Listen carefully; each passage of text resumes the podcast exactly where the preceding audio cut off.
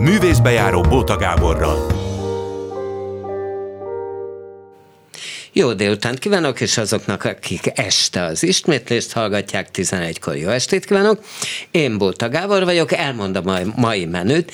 Elsőként egy anekdótatár lesz a Botakafé, illetve a művészbe járó vendége, már tessék, a Botakafé ez a tévéműsor, hát időnként, érte, most ez téveztem reklám, el először. Ez a reklám, ez a reklám helye. helye. Akinek, akinek a hangját hallották, az Kadelka László, aki a Nemzeti Színház fő ügyelője volt. Azt képzeljék el, hogy 15 különböző féle az ember tragédiája előadást rendezett, meg még mi minden, és hogy vívott szó szerint vívott a színpadon Major Tamással, amit még jobb. meg azért, hadd javítsak ki, nem rendeztem, ha 15 nem, embert agidát, Na jó, akkor hanem ügyeltem. Baki, baki. Ügyeltem. Pedig mennyivel szebb lett volna, ügyelted? Hát van egy, van egy volt, volt egy pár, amelyiknek egy részét rendezni is kellett, de hát én Na, ügyelő voltam. Szóval Kadelka László, aki most hagyja, most, hogy 80 éves, hát abba adja a pályát, mert azt elhatározta, hogy 70 évesen abba adja a vezetést, az autóvezetést,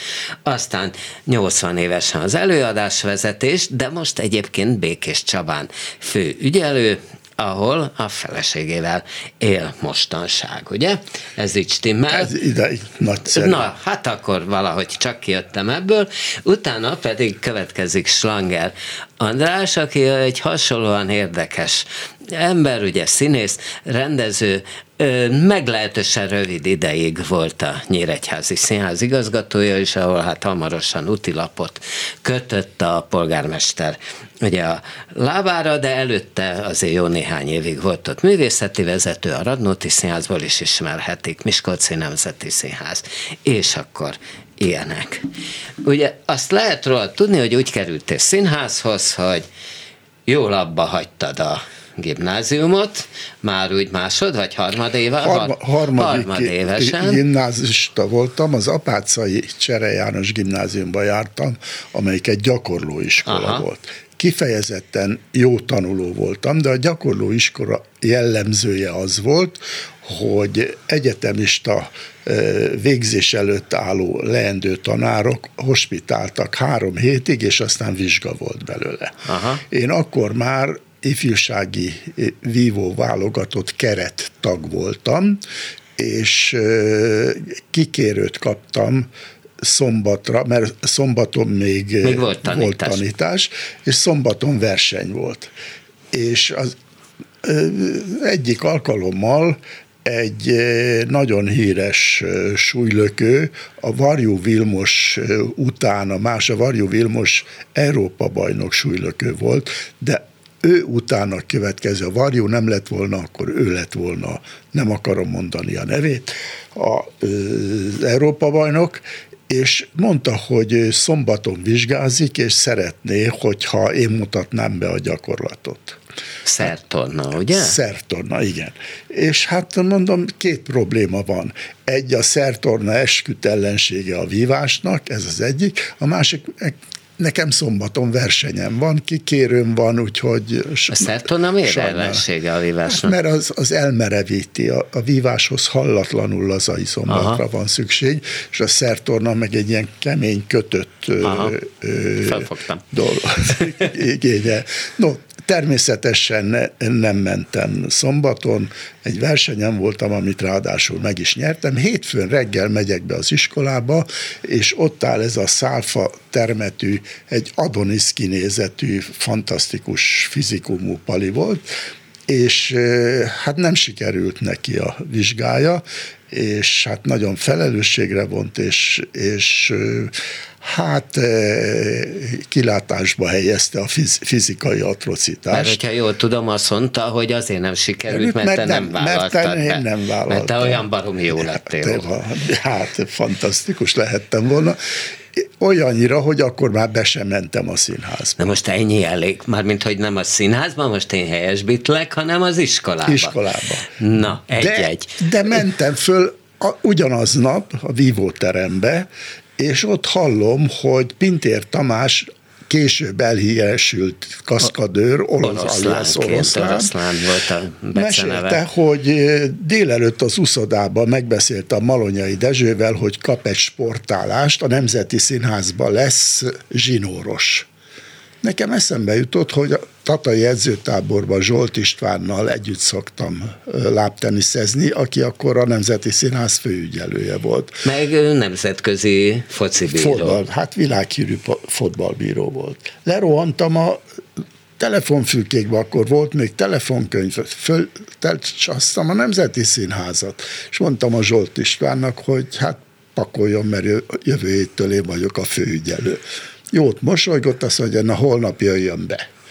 Másnap bementem, nagyon kedves volt, de azt mondja, hát itt ezt ahhoz, hogy maga ügyelő lehessen, ahhoz meg kell tanulni ezt a színház működést. Két évig akkor ezt csinálja, azt csinálja, amazt csinálja. Másnap szerdán, soha nem fogom elfelejteni, másnap szerdán bemegyek a színházba, este első munka napom. Első dolgom az volt, hogy fölmenjek a zsinór padlásra az oroszlánhoz. Az oroszlán már nem dolgozott. Hát a sportálások erről voltak híresek, hogy nem nagyon kellett dolgozni, viszont fizetést lehetett kapni. Na és viszont a Szent Iváné jálon ment első este, és ott mindjárt elkezdtek pátyolgatni az idősebbek, de a nagy poén az másnap történt, mert másnap a harmadik Richard ment. 1960-at írunk, a római olimpia éve, amikor is Kárpáti Rudolf a 670. aranyérmét nyerte, és a harmadik Richardban a major úgy döntött, még akkor igazgató volt, hogy nagyon jól mutat, hogyha Kárpáti Rudi sokszoros olimpiai bajnok tanította be a vívást. Két TFS-nek, ez a, v, a csata jelenet, ami eléggé a végén volt, hát akkor nem, hogy mobiltelefon nem volt, rendes telefon is alig volt, és az egyik TFS nem jött be. Tehát tanárképző főiskola, aki nem ja, tudná. Ment, ültem a díszítő szobába. Illetve testnevelési főiskola. TF, igen. igen. Ültem a díszítő szobába, föl, Zsolt berohan föl, azt mondja, jöjjön. Rámadtak valami jelmezt, kezembe adtak egy kardot, és belöktek a színpadra vagy a vívó. Igen, ám, de a kapkodásban rossz helyen küldtek be, és ott álltam szembe a Major Tamással. Mint utóbb kiderült, én Richmond katona voltam, fogalmam nem volt akkor még, hogy az, az micsoda, de a Major tudta, hogy ellenség vagyok, és elkezdtünk vívni. Hát vívásban egy kicsit jobb voltam. Vívtunk, vívtunk, a, a, a színfalak mögül meg pisszektek, azt hittem, hogy drukkolnak nekem, közben valahogy ki akartak hozni a színpadról. Végül azt találták ki, hogy lehúzták a világítást, és egy hengléccel, amivel a e, díszletelemeket támasztják ki, aminek a végén egy nagy kampó van, beakasztották a lábamba, és a szó szoros értelmében a sötétbe kiúztak a színpadról. Ha nem húznak ki, akkor én még mindig ott vívok a majorral. Nagy győztesként. Nagy győztesként. Másnap major behivatott, magas zseni, megmentette az előadást és kaptam 500 forint prémiumot, második napja voltam, még nem voltam 24 órája a színházban, és nem, a legnagyobb hozadéka nem ez volt a dolognak. De nem voltál be tojva, nem tudom szebben mondani, hogy nem ez lesz a következménye a nagy alakításodnak, hanem az nyom, aki rúgnak? Hát amikor mondta, mondta az altiszt, hogy menjek föl a Major elvtárshoz, akkor gondoltam, hogy vége a színházi karrieremnek. De a nagy hozad, hozadéka az volt ennek a dolognak, hogy ez az előadás vége felé van ez a jelenet, és a teljes társulat ott áll már a tapsrendre várakozva, és akkor engem az egész színház megismert abban a pillanatban Úgyhogy hát így, így indult a színházi pályafutása. Elismert ember, közben megjött Slanger András, nem, tit- Szervusz, nem titkoljuk el, csak sztoriban voltunk, Arra ugye, és ezt nem, azt, azt nem, nem szakították. Ti ismerjük, hogy ismeritek hogy egyet. Hát Amikor Slangernak mondtam, hogy a kadelka lesz, akkor úgy örült, hogy húha. Hát dolgoztunk is együtt, és időnként recepteket cseréltünk, mert ő is főző. Mindketten szerettek főzni. Főzős ember volt. Igen, igen. És én is az vagyok, úgyhogy ez is összeköt minket. Túri Lajos közben, aki most a hangpult mögött, Tudom, Alui, ő most bejött, és hú, de megigazított, megigazította a, a slangernek a mikrofonját. Na jó, Szóval akkor nem voltál kapásból. Így van, akkor két éven keresztül voltam fél évenként díszítő, világosító, kellékes, zsinóros, és aztán 1963-ban lettem ügyelő, pontosabban 62-ben, de 1963-ban volt az első önálló ügyelésem, a Macbeth, ami azért volt nagyon emlékezetes, mert Sikovics Imrét az 56-os eltiltása után... Akkor hozták vissza a nemzetibe. Akkor jött vissza a nemzetibe, és az volt az első közös munkám a Sinkovicsal, és aztán számtalan más követett. És aztán arról is vagy híres, hogy ugye a régi, a Blahalauza téren most már tudjuk, hogy totálisan értelmetlenül lebontott Nemzeti Színházban te voltál az utcsó, aki leengedted a függönyt, és az új Nemzeti Színházban véletlenül pont egy embertragédia előadás volt, te voltál az első, aki fölhúztad. Igen, hát arra a tragédia előadásra nem kellett volna felhúzni a függönyt, de, de maga az épület, hogy elkészült, az szép. Ugyanis... Az se lett valami túl fényes. 1964. június 28-án vasárnap Lír király előadás volt a Blaha téren a Básti Lajos főszereplésével, és hát akkor a Törőcsi, a három lány, a Törőcsik Mari, Berek Kati és a Máté Erzsi voltak, és egy alkalommal Szolnokon a Svajda Györgynél beszélgettünk a törőcsikkel, meg a Svajdával és sztoriztunk, és a Mariska mondta a Svajdának, hogy hát én voltam, aki leenged. Igen, akkor na, akkor te fogod fölhúzni.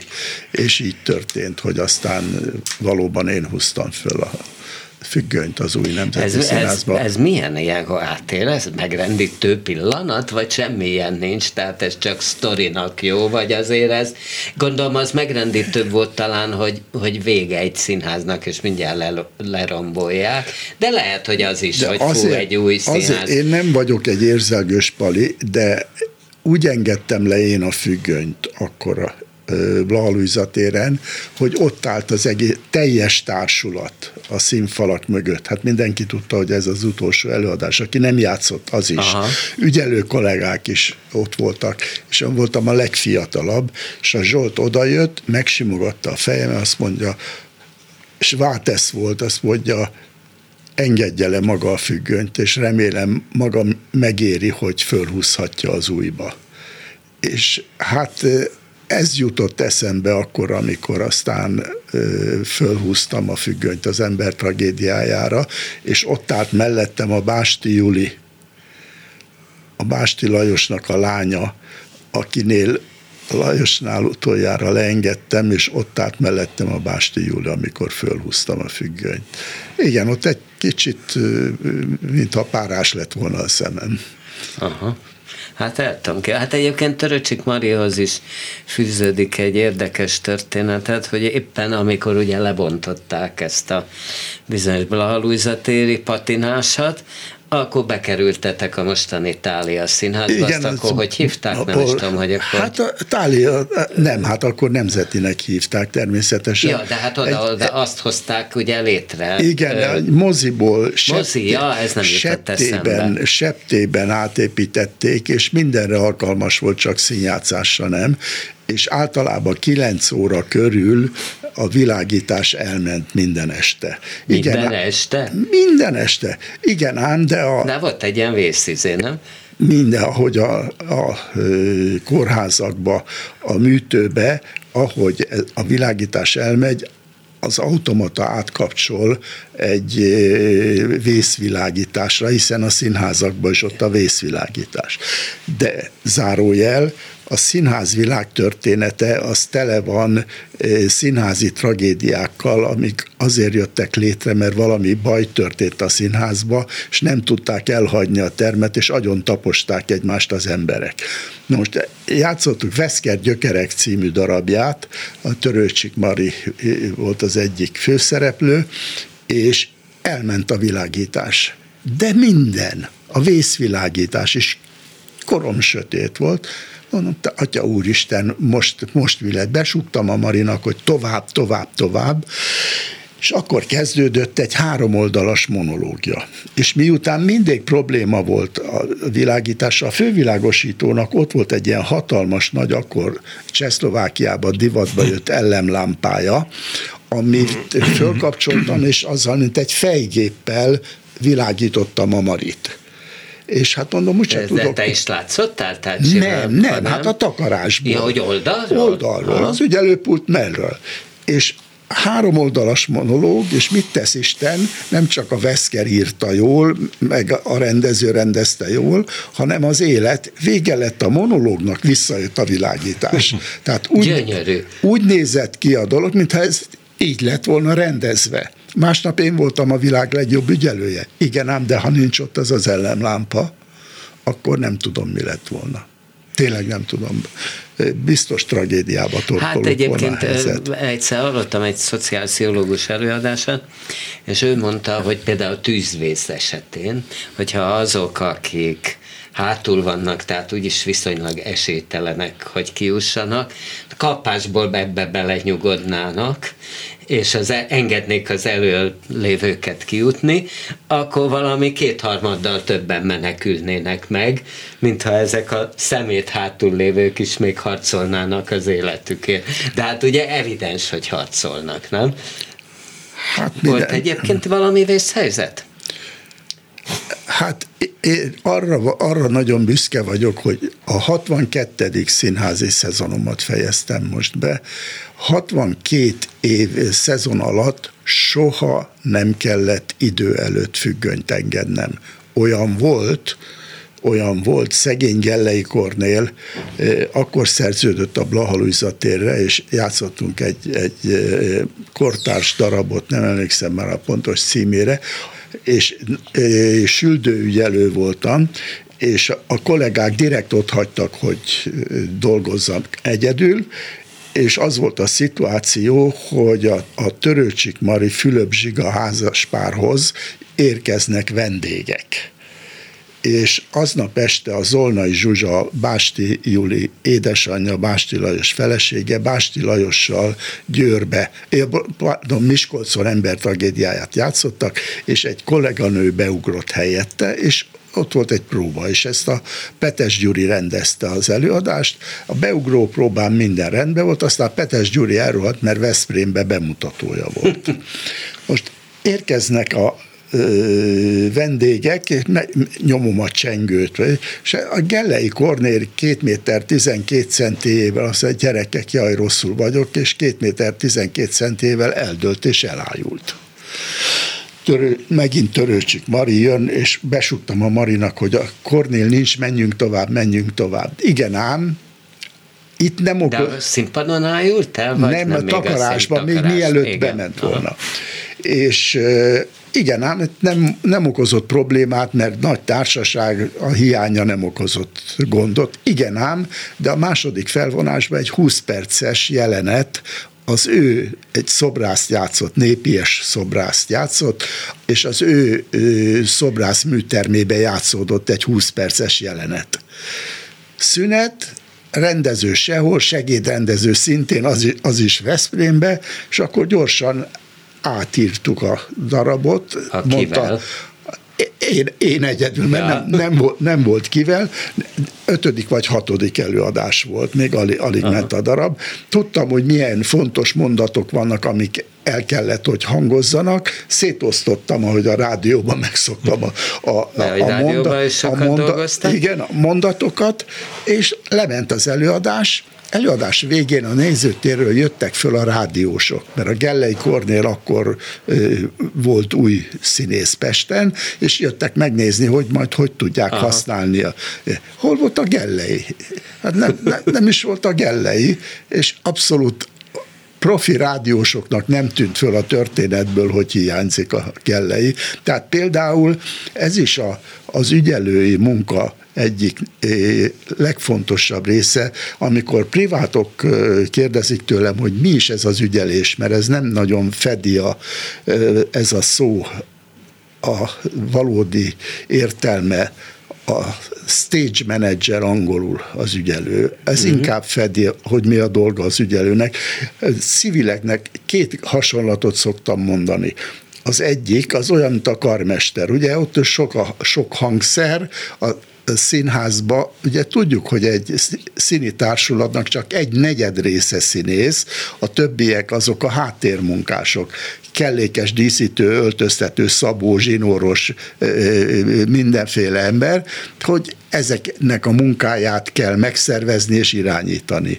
A másik hasonlatom, és ez a veszélyességre vonatkozik, hogy olyan, mint a pilóta, ha fölszáll a repülő, ha fölmegy a függöny, akkor baj nélkül kell leszállni a repülőnek, és baj nélkül kell a függönynek is Az igaz, hogy előadás közben az igazgató se adhat neked utasítást? Előadás közben az ügyelőnek csak és kizárólag a darab rendezője adhat, az illető darab rendezője, Aha. senki más az az ügy, ügyelő hatásköre, hogy hogy dönt, ha jól döntött, jól döntött, ha nem, akkor ő viszi el a balhét. Hát egyszer elvitted a balhét, amikor tulajdonképpen miattad elmaradt egy előadás nem tudom, mire nem, gondolsz. Nem, mondom, hogy mire gondolsz. Amikor összviszültek vagy heten a nézőtéren. Ja, az nem miattam maradt hát el, nem, azt ha, én nem tartottam te, meg. Hát jó, de azt döntettél. Számon is kérte rajtad állítólag Gablonci László, hogy, hogy nem tartottad meg. Na, akkor meséld ezt te, hogy hát, ez hogy volt? Történt pedig, hogy a Rui Blast játszottuk, és a, a színpad felmene, a függöny felmenetele előtt 41 ember van a színpadon. I, igen. És közt, hat közt hat Kossuth-díjas, számtalan érdemes művész, és, és kinézze, fölment a vasfüggöny, és ugye a függönyön van egy kis luk, ahol ki lehet nézni, kinézek, és hét ember ült a nézőtéren első sorba. Hét ember, a Nemzeti Színházban. Ez már a Hevesi Sándor Igen, tér. hát ott voltak azért csekéházak, mondjuk, igen, valljuk igen, be.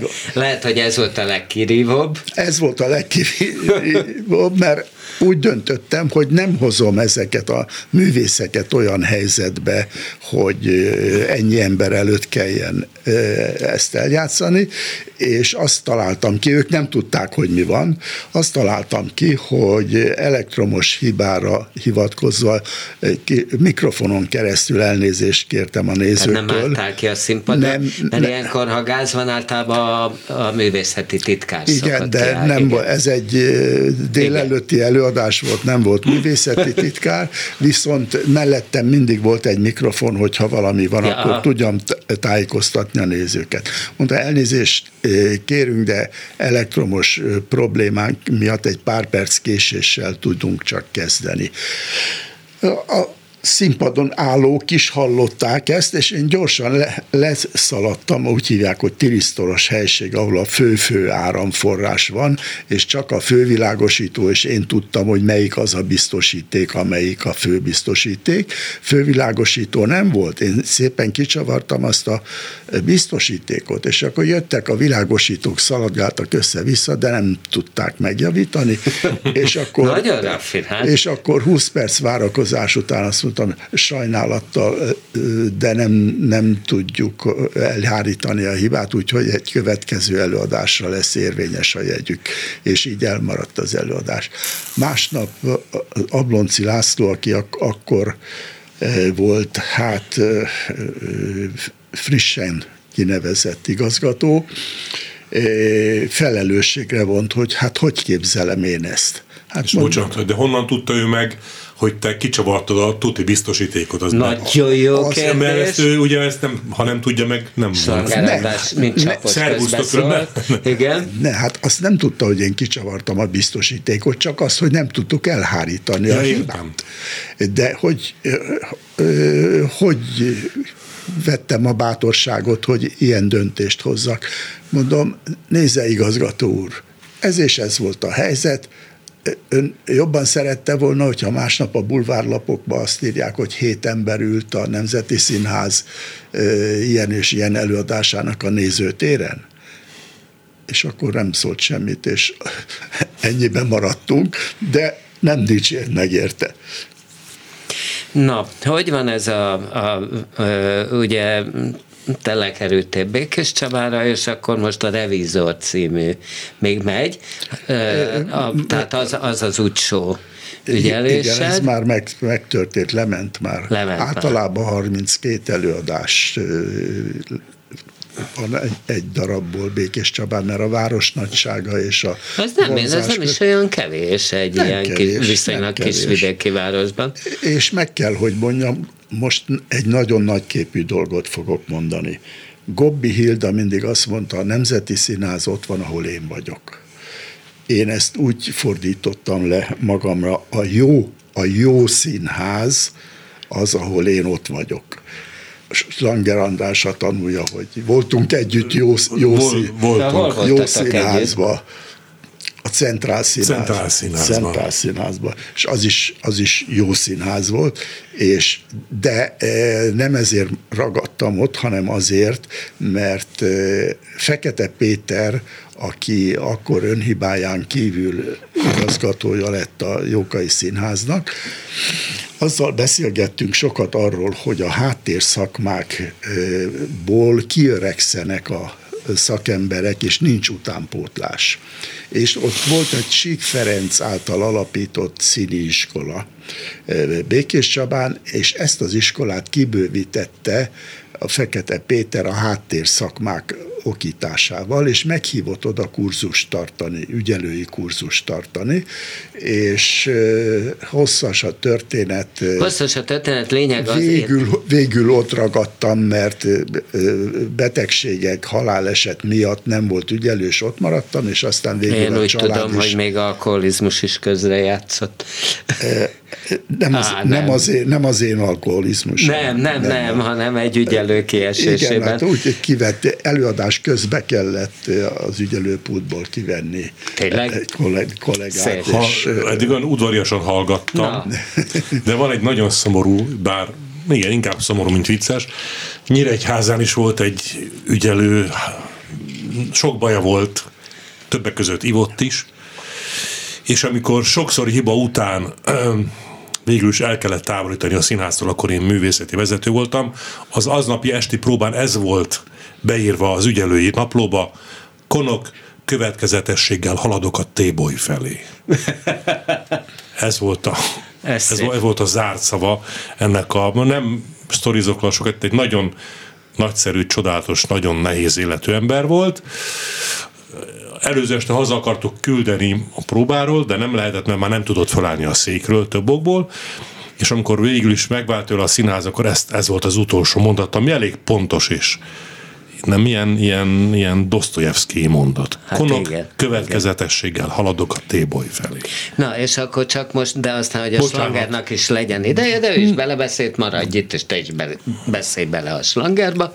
Szóval, hogy most akkor se ügyelés, tanítás maradt még, vagy nem? Se... Több, több helyre is meghívtak betanítani kollégákat, voltam Kecskeméten, voltam Sopronba, voltam Miskolcon, és összességében 17 ügyelőt tanítottam be. Itt muszáj egy nagyon fontos dolgot elmondani. De már röviden, jó? Röviden fontos. Általában azokból lesz ügyelők, általában beszélek Magyarországon, hangja vesztett énekes, tehetségtelennek bizonyult színész, megsérült táncos, tehát azok, akik valamilyen módon nem jutnak szereplési lehetőséghez, de már megfertőződtek Aha. a színháztól, és ezek általában sértett emberek. Ahogy mondtad, hogy az idézetet.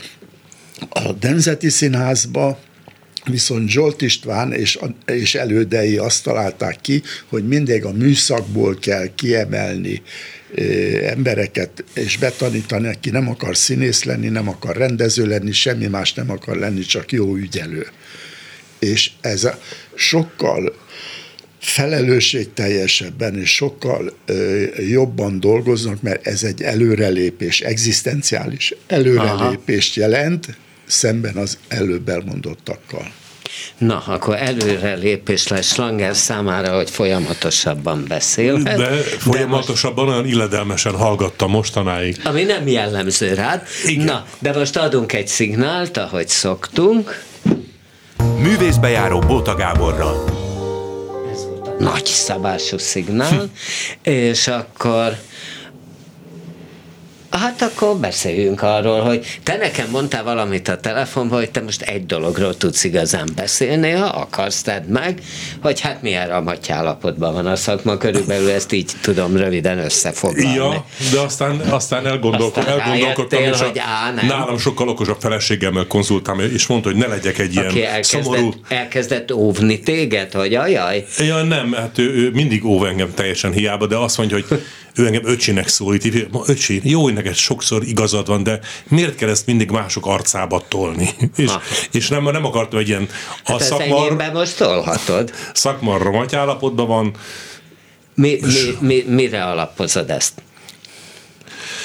Na már most. Ez egy nagyon bonyolult kérdés, mert a másik, amit elhatároztam, hogy eh, juss se csúszok át semmiféle direkt politikai kritikai Hú, hangba. Mert miért nem egyébként? Nem lehet kikerülni. Azért egyrészt, mert uh, nem akarok ilyen halni, Másrészt, de nem, ez nem a gyávaság a kisebbik most része. Most így, hogy, hogy nem csúszol át így politikai Most már át is csúsztam ebben a percben. A pénz. De szívesen nem. elmondom helyetted, mert engem már nem élhet. Nyolc, igen, igen, Isten éltessen. Születést. Hát mondjanak. De most hát nem, hát most hagyjuk őt beszélni, aztán mondd el. Na, szóval? Öm, ha a mindenkori, hangsúlyozom, mindenkori állam és hatalom kiszáll a kultúra finanszírozásából, akkor a kultúrát a nézőknek kell finanszírozniuk, akkor az ő ízlésük diktál, és jöjjönnek a színháznak, amely pusztán megfelelni akarásból is, a néző ízlésének kiszolgálásából akar. Szóval az bizonyos műhelyeket, bizonyos értékteremtő tevékenységeket, bizonyos embereket igenis finanszírozni kell, támogatni kell, mert a mindig a színháznak a csúcsán levő teljesítmények húzzák felfelé az egész szakmát, és mindig a, főleg az olcsó szórakoztatás, tehát a szórakoztatás is sok pénzbe kerül, minél kevesebb pénzből kell szórakoztatni, az bizony annak a rovására megy, de, de igazából azért is gondoltam azt, hogy nem megyek át ilyen politikába. Nem csak ezért, hanem mert azt gondolom, hogy butaság az egész. Hát de viszont én néztem a port.hu-t, azt nem lehet mondani, hogy te minden este színpadon vagy. A legutóbb, amikor beszélgettem nálad, és azt Hú, azóta, elég régen azóta ezt a sérelmet őrzöm, de most rád öntöm, hogy Na, legyen feszültség. Mit követtem el? Hát azóta, Mert nekem szembe mered mondani, mi? Nem, nem, nem, nem. Szembe, merem, szembe merem mondani hatékonynak talán. Na. Az történt, hogy jó, nagyon jól elbeszélgettünk, mindenféle, kedves vidám beszélgetés volt, majd a, most mikor lesz vége, nehogy megint pórul járjak. Öt, ötkor lesz vége. Ötkor, majd ha ötkor volt vége, akkor egészkor azt kérdezted, és te, akinek olyan szépen indult a karriered, annyi mindent csináltál, írtál, rende, milyen érzés így, hogy nem vitted semmire? Ezt a kérdést. Ezt bírtam én Hát a lényeg ez volt, hát és elég tapintat. De ez de... volt a lényege, én köpni nyelni nem tudtam, nagyon zavarba jöttem, és nagyon haragudtam, hogy hogy lehet egy ilyet, mert én tudok szívesen beszélni, de Na, akkor most mi utolsó kérdés? Várom a választ, van még 21 perced. Mire? Érvényes hogy az akkori kérdés? Hogy válaszoljál. Egy nagyon okos barátommal, egy hölgyel uh, beszélgettem, akit nagyon nagyra tartok, és pont ilyen kérdésekről volt szó, és, és akkor elsoroltuk, hogy én mikor, mit léptem, hogyan, hogy léptem, miben hibáztam, hogy, hogy te fogalmazol hogy így alakult az életem, és mindig elmondtam, hogy ezt azért döntöttem akkor így, mert. És akkor ezt mondta erre végül, hogy akkor te egy, neked jó életed volt. Mert mindig szabadon és úgy döntöttél, ahogy gondoltad. Én valóban szabadon és úgy döntöttem, ahogy gondoltam, de ennek voltak következményei. Igen, tehát én, én mai napig azt úgy gondolom, hogy te egy roppant tehetséges pasi Nagyon szépen köszönöm. Aki, aki Hát nem lett igazán országosan ismert, ha úgy tetszik. Legutóbb is ezt, ezt Nem ezt. tud, milyen mély nyomokat hagynak Igen. benned a kérdéseim. Szóval nem, nem futottad ki igazán azt a formádat, tényleg ezt gondolom, ami benned volt, legalábbis Már vagyunk az én abba. szempontomból, de lehet, hogy a te szempontodból, hogy sokat voltál vidéken, és hogy szabad voltál, és azt csináltál, amit akartál, meg kifutottad, mert az lett volna a rosszabb formád, hogyha ma már kiváló művész lennél, vagy kosudíjas lennél, ám de egy rakat kompromisszumot kellett volna kötnöd, amire meg te nem voltál hajlandó. Közelebb, most közeledünk az igazsághoz. Egyrészt ja. azt, azt szeretném mondani, hogy tehát ha a sikert olyan módon nézzük, hogy hány díjad van és hány főszerepet játszottál, persze nem hülyeség nem így nézni, de nem kell így nézni, akkor azt mondom, hogy az élet, egy szakmai pálya nem csak abból áll, hogy milyen sikereket értél a végére, hanem az, hogy mit tettél közben. Például Andó, Arthur Rembo pont ez jutott eszembe, ma zuhanyoztam és gondolkodtam, miről kell nekem beszélni, aki 26 éves korában abba a költészetet, mert azt gondolta, hogy nincs értelme, az egy teljes élet 26 év alatt, holott nem lett nagyon híres öreg költő, vagy Petőfi Sándor. Hát de híres fiatal, az lett. Hát, fiatal, én is híres voltam. vagy Petőfi Sándor, akinek nem kellett volna feltétlenül meghalni, ha úgy gondolja, hogy fontosabb, hogy ő hosszú, sikeres életet éljen, akkor nem megy oda az orosz zsidás elé, de ő azt gondolta, hogy neki fontosabb ez a halál, vagy ez a sors, a sors, amit ő választott ebben, mint az, mint az 60 éves kori tartalmas bölcskötetei. Ehhez szeretnék én valamit hozzátenni, mert e, tettél egy megjegyzést, hogy sokat voltál vidéken. E, ebben óriási szerepe van a szaksajtónak, mert ti nem jártok vidékre. Nyíregyháza messze van, Békés Csaba messze van. Én most 13. éve vagyok Békés Csabán, egészen kiváló színészek vannak, és egyetlen egy budapesti kritikus nem jön le, pedig a színház fölküldi az autót értük, aztán lehozza, előadás után megeteti, megitatja, és visszavinné Pestre, és nem jártok. Ennek ugye... ezért, ezért nem ismerik az embereket. Hát a Slanger országos népszerűsége a, a főzős műsorába volt, amiben úttörő volt, azóta orbaszájba főznek mindenhol, akkor a Slanger volt az első, aki főzött. A, annak, ami nekem nagy szívfájdalmam, hogy mi nem járunk vidékre. Egyébként vannak kollégák, akik járnak, mert a kritikus C szervez ilyen buszokat. Én nekem tényleg kevés időm van, régebben sokkal többet jártam, mint hogy sokkal több gyerekerőadást is néztem, most arra is viszonylag kevés időm van. Az az oka, hogy megszűntek azok az orgánumok, amik erre ide, igényt tartanak, nem fizet, nem mindenhonnan küldenek ótót, meg azt az ember szégyelli, ha egy színházból autóval furikázzák, Szóval, hogy nincs, nincs filmszínház muzsika, amelyik tudósított vidék, nincs új tökör, amelyik tudósított vidéki Jó, bocsá, orgánumok. Bocsá, a Színház című szaklap is szinte mind, egy rakat vidéki dologról írt. Nem fizetik ki az úti költséget, szállást pláne nem fizetnek, és kapunk egy Bocsáss kritikáért. Meg, te most itt vasárnap itt vagy, a klubrádióba, pénteken a klubrádióba vagy, aztán van egy tévéműsorod, aztán van a Bóta Café. Ez az a tévéműsorom, úgyhogy ez nem öt, az négy idáig, és, és, és írok több lapnak. És több lapnak. Azt, miért mondod azt, hogy nincs megjelenési lehetősége? Nem. Neked személy szerint. Nekem személy szerint van megjelenési lehetőségem, ám de ahhoz, hogy némiképp megéljek, hogy mondjuk egy kritikáért kapok mondjuk 10.265 forintot, és ez konkrét, meg karakterre kiszámolják, abba nem fér bele egy Békés Csavai út, mert így is hajnali négyig verem a számítógépet. Tehát nem fér bele. Hogy visszavegyem a szót. Fesztiválokon látok vidéki előadásokat, abszolút látok vidéki előadásokat, határon túliakat is, sőt elmegyek érte Kolozsvári Fesztiválra, de egy-egy előadásért nincs időm utazni. Igen, András, Slanger András, Kaderka László volt az előző. Hogy azért akkor ezt ne, ne erről beszéljünk, amiről eddig, szóval erre csak azt a mondatot tudom mondani, kettő történetet, az egyik rövid lesz nagyon, és a másik is.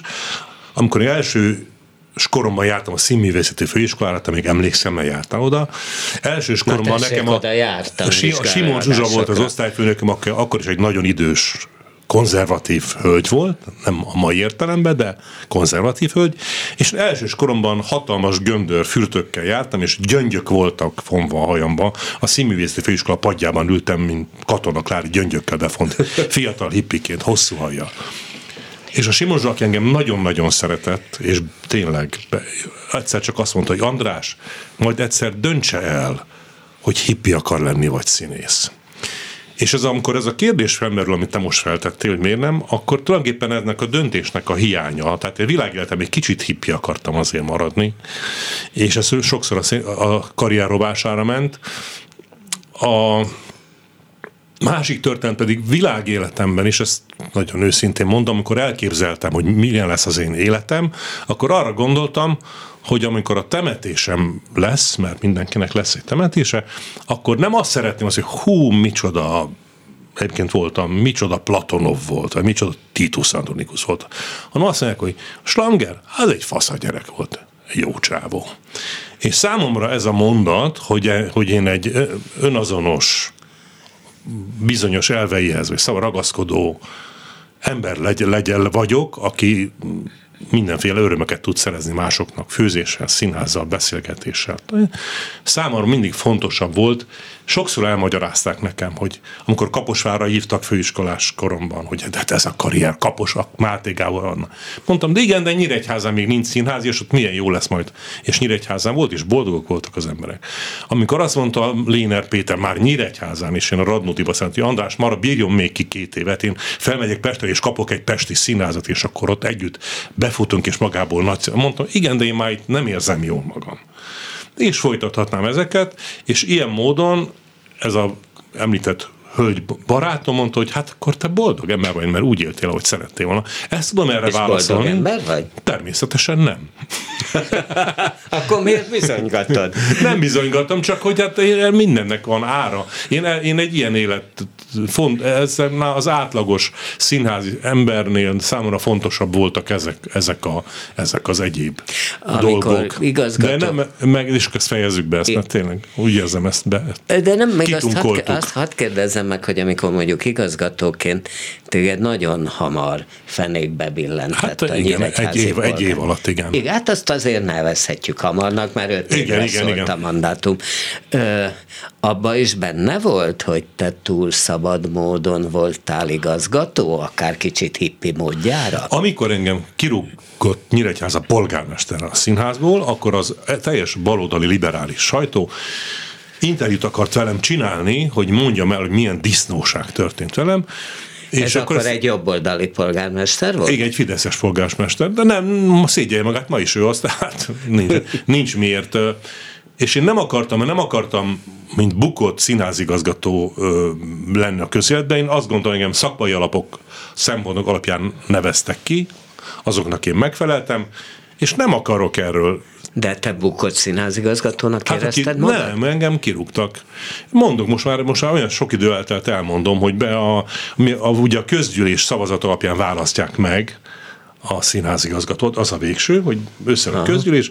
Előző, még nem voltam kinevezve, és az a, most már elmerem mondani, mert már most hát tök mindegy. És behívott előző nap ez a polgármester, és azt mondta nekem, András, azt ugye tudod, hogy te az én igazgatóm leszel. Mondom, én ezt nem tudom. Én pályáztam, egy engem a szakmai ajánlásokat kaptam Vinyánszki Attila, Rátóti Zoltán, sorolhatnám, a társulat mellém állt, a szakmai bizottság egyhangulag az én szavazatomat, és hogyha holnap meg ne szavaznak engem, akkor, akkor még volt ilyen, a Jobbiktól az MSZP-ig fog rám szavazni, miért lennék én a te igazgatód? És arra szállt azért, mert a színház egy város, egy cég, hét cégünk van, a temetkezési vállalat, a csatornázás művek, a sóstól, ebből az egyik cég, és neked egy menedzser szerződésed van, ami bármikor indoklás nélkül felmondható, és a te munkáltatód, én vagyok, az te szerződésedet én írom alá, tehát bármikor. Ez is történt egy év múlva. Tehát ez de volt, a... valami indok? Úgy tudom, hogy nem, nem volt indok. nem volt Sőt, amikor, amikor kirúgtak, akkor azt mondta a társulati ülést összehívtak, ugye, hogy közöljék a társulat, hogy én ki vagyok rúgva, és azt mondta az akkor, nem tudom, a helyi korifáus, hogy mindenről lehet kérdezni, kivéve arról, hogy miért rúgtuk ki a slangert, mert az később egy munkaügyi perben a hátrányunkra válhat. És mondok még egy horror történetet, mert ez is sokáig nem akarta, de szégyelje magát. Most a világ annyira elcsúszott, hogy szerintem ezeket már nem kell hallgatni.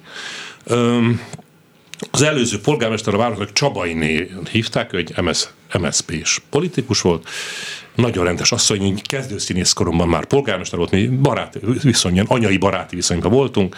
Neki volt premierbérlete, a lánya Csaba Judit ott játszott a színház, és egy jó viszonyban voltam vele. Egyszer találkoztam vele. Sokat találkoztam vele, mert ugye azért a Nyíregyházi Vidor Fesztiválokra, igen, igen. És, fesztivál, és, viszonylagos rendszerességgel jártam, és ott ült az előadásokon. Mindig, mindig imádta a színházat, és Igen. szerette, és, és foglalkozott vele, és minket ilyen anyaként így jöttek a fiatal színészek, és egyszer találkoztam vele már igazgató koromban, egy, kor, egy koszorúzáson, és mondtam, hogy de jó Judit, hogy látom egyszer, ígyunk meg egy kávét Mondta, persze, de hol, mikor? Hát mondom, ön a hölgy, ha gondolja, meglátogatom az unokák, ha gondolja, jöjjön be az irodámba, az igaz, színházba is szívesen, vagy üljünk be valahova. Üljünk be valahova, mondta erre ő. Dolgozunk a színházba, igyekszem gyorsan mondani, és akkor mondom a igazgató társanak, hogy most megyek, mert találkozom a Csabai Judittal. És erre azt mondta, kivel? Mondom, Csaba Judittal, ismerem 20 éve, jó barát ezt ne csináld, ebből nagyon nagy baj lesz. Mondom, nehogy már magán időmben ne avval találkozok. És hol találkozok? Mondom, az Omnia Caféban. Az ott van a, fő, a főtér mellett, hát mindenki látni fogja. Mondom, miért ne láthatnák, hogy én szab, munkaidő után találkozom Csabai Judittal? És erre azt válaszolt ez az ember, hogy hát jó, de hogyha ha mindenképpen találkozol vele, akkor hív fel előtte a városházát. Mondom, te most azt mondod, hogy jelentsem fel magam előre, hogy én most találkozni fogok a volt MSZP. Hát igen, de mondom, miért hívnám fel? Mert úgy is megtudják, és jobb, ha tőle tudják meg.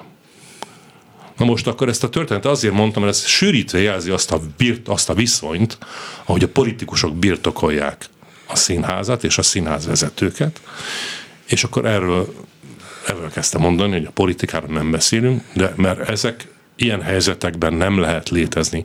Nem létezhet egy színházigazgató, egy átlagember, egy ország sem létezhet ilyen helyzetekben, mert ez mélységesen felháborító és erkölcstelen és gyomorforgató. És ilyen van az építőiparban, a erdészetben, a rádiózásban, a médiában ilyen viszonyok vannak, és ezt mindenki tudja. De amit mondani akartam, hogy nem ezek, ugye ez, amikor azt mondom, hogy ezeket minden mondom, az az, hogy hülyeség az egész, úgy, ahogy van. Mármint mi? A politika a színházban. Mondok egy mulatságos történetet, remélem ez még belefér. Még belefér, csak Kadárka is akart beszélni ja. még a politikáról, és akkor egy picit hadd beszéljen ő, és akkor tiéd az árszó, jó? jó. Azt lehet? Mindent Nem lehet. lehet. Na jó, akkor Csak már ezt hogy a feleségem megint mit fogsz mondani. Hát ke- ke- kettő nagyon rövid. Én, mint rendező, meg akarom rendezni a Sziránó című darabot. Tegyük fel. Mindezt támogatásnak nincs pénzem, a színházanak támogatást akarok kérni, éppen egy bal liberális kormány van. És akkor leírom, hogy tisztelt osztályvezető, vagy mit, intézmény, szeretném a Sziránót megrendezni, mert Sziránó ez a végle, végtelenül szabad, aki mindig harcban a szabadság, az egyének, közösségek szabadság ellen, szemben áll az elnyomó rendszerrel, a klerikális, és végül szükségszerűen egy erkölcsevesztett rendszerben magányosan saját magányosan marad, mert ez is bizonyítja, majd történik egy kormányváltás, kultúraváltás, és jön egy való, egy konzervatív kormány, és én meg akarom rendezni, és elmondom. Tisztelt, uram, szeretném megrendezni a sziránót, mert egy értékvesztett, mocskos világban, ahol nincs rend, nincs fegyelem. Sziránó, aki a hagyományok nagy tisztelője, a régi konzervatív módon, a hagyományokba kapaszkodva, és egy erkölcsi talapzaton szembeszáll a szabadossággal, az erkölcstelen romasággal, és szükségszerben a mocskos, liberális rendszerben magára marad, és konzervatizmus magányos ősként hal meg. Melyik előadás a Sziránó? Mind a kettő. Egyik se. A színárva egy magatartása, minden rendszerben szól. Ez az egyik, amit el akartam mondani. A másik, és befejezem, szinte egy újságíró kollégáddal kerültem konfliktusba, aki azt mondta, hogy beszéljünk, röviden Miért mondom el. konfliktusba került? Nem, hát nem. Na jó. De, ja, és, és mondta, hogy mondta, úgy azt mondom, hülyes, mondom, a, szín, a színhá, ő, ő akkor a Magyar Nemzet újságírója volt, már az akkor elég, nem annyira, mint most, de elég konzervatív volt, és mondtam, hogy azért nem akarok politikáról beszélni, mert minden valamire való színház az konzervatív, amilyen módon a saját hagyományira támaszkodva, arról építkezve tud tovább lépni. Minden valamire való színház szociális, mert a sem, a kisemizettek, a szegények és a perifériára szóltak oldal, oldalán nyer szót. Minden színház keresztényi, mert szeretettel viszonyul a mások bűneihez, bajéhoz, megértve, és, és minden színház liberális, ami jó, mert mindig kiáll a szabadság az egyének, közösségek és gondolatok szabadsága mellett. Hogy ezeket a szavakat felosztja a mai Magyarország, és ha én ezt mondom, így vagyok szirán akkor, úgy nem. A színháznak a minőségi, minőségi színház mindig ki tud állni emberi értékek, becsületesség, hit, hazaszeretet, mi bármi mellett. Ez egy nagyon nagy hülyeség, hogy minket valakik valamilyen módon be sorolnak valahova, és ezért nincs értelme beszélni. Tessék megnézni, hogy valaki jó előadást csinál, hogy rosszat csinál, tisztességes dolgok mellett áll, segít az embereknek holnap fölkelni, ki, az, hogy kinevethetik a gonoszat, hogy hitet adhat nekik, hogy mégiscsak érdemes, ezt kéne nézni, és ez nem jobb vagy baloldal, és nem politikai eszmék, ezek, ezek emberi minőségek, a úttörők 10 parancsolattal, a 10 parancsolattal 12 pontig, az összes világvalás ezt mondja a világról. És amelyik színház ezt szolgálja, az tök mindegy, hogy melyik sziránót adja be a pályázaton mert felmutat egy emberi magatartást, amely ha, te, ha egyrészt meg, ha nem tudsz jelenni, megvigaszt, hogy vannak még ilyenek, de példát ad, hogy te is lehetsz ilyen, és akkor picivel jobb lesz a világ. Ehhez mi köze a politikának? És Politika. Az előző rendszer, az átkos, elvette a színháztól a Nemzeti Színházat, a Blahalóvizatéri Nemzeti Színházat. Ez a jelenlegi rendszer elvette a Várszínházat, ahol az első magyar nyelvű színjátszás eh, megtörtént Kelemen Lászlóékkal. Mecénász óta tudjuk, hogy a színház nem lehet meg támogatás nélkül. Tehát teljesen mindegy, hogy milyen eh, politikai kurzus van, vagy szereti ott a kultuszminiszter a színházat, vagy nem szereti. Az előző rendszerbe a kultuszminiszter nem tette be a lábát a színházba, a közlekedési miniszter ült, ült ott minden bemutatón. Melyik az előző rendszer? Az átkosba. Acél György az, az, az maga is színész volt. Ki, a, az acél. Nem, de hát ő, ő nem járt a színházba. De szeret. Ő más, hát más attól ő még egy kultúrember ab, volt. Abszolút, igen, így van. De e, a mostani kultuszminiszter ja, ami szintén, nincs. A, szintén nem jár színházba.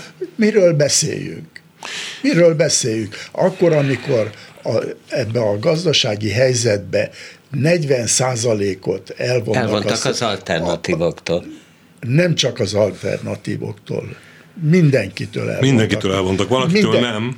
Minden, de hát azért minden, vannak, igen, igen, igen, de hát mondjuk... Vannak az egyenlő közt egyenlőben. Így, így van, az Színázi Olimpia az 6,2 milliárdba kerül, és ezért az összes többi színház. Ahol vannak jó előadások, tehát... Nekem egy hát- benfentes barátom mondta, hogy a magyar... Ez az árszavat. Akkor jó, nem ezt fogom mondani. Na. Az előbb még eszembe volt, hogy mit fogok mondani. De már elfelejtettem. Mi lesz? Ha ilyen szitu van, akkor veled, mint színész rendezővel mi lesz? Most nem látom pontosan. Ami, a másik út, ami most éppen három munkám van, ami nem fizetnek, de nem nagyon, de mind a háromban nagyon hiszek. Egyrészt felújítjuk a CEU osában a Kísértett Csárdás című Kompolti Zsigmond darabot, amit, amit én nagyon szeretek. Másrészt a a két csodálatos tánc, táncossal, a Rémi Tündémmel, meg az Apel Jánossal csak egy ilyen összművészeti, verses, táncos programot. Harmadrészt pedig egy kollégám írt egy nagyon fontos, érdekes, szép monodrámát, és megkért, hogy olvassam el, de láttam benne fel, és felajánlottam, hogy én ingyen nagyon szívesen hogy voltam abonyba próbát nézni, ott mutatta be. Hát én csinálok, hogy nem az a kérdés, hogy mi lesz vele, mint színész rendezve, hanem az, hogy miből fogok megélni. Már hát, jelent, de befejezem a zárszál, és igaz is, tehát nincs már azokság, de már jelentkeztem a BKV-hez buszsofőrnek. Hova? A BKV-hez buszsofőrnek. Jó pénz. Na jó, hát nem lett túl vidám vége, de köszönöm, hogy jöttetek.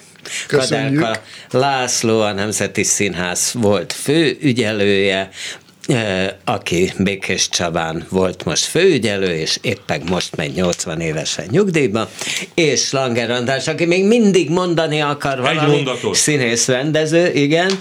Azt, hogy éppen ezért, hogyha valahova kell egy ám bár öregedő, de még magát jól tartó színész, író, rendező, és pont ilyen dolgokat gondol, nagyon szívesen veszem, hogyha engem megkeres Akár egy ügyben. buszsofőr szerepben. Igen. Jó, hát akkor ez volt ma a művészbejáró. Ha van kedvük, akkor hallgassák meg este 11-kor az ismétlést, egyébként pedig archívumból podcast mindenféle ö, egyéb. A hangpult mögött most Túri Lajos alias Louis ült, én meg változatlan Bóta Gábor voltam, tán még leszek is egy darabig, és szabados tíme a rengeteg ideig lesz, és szerkeszti, olvassa a híreket, hallgassák őt, viszont hallásra. Művészbejáró Bóta Gáborral.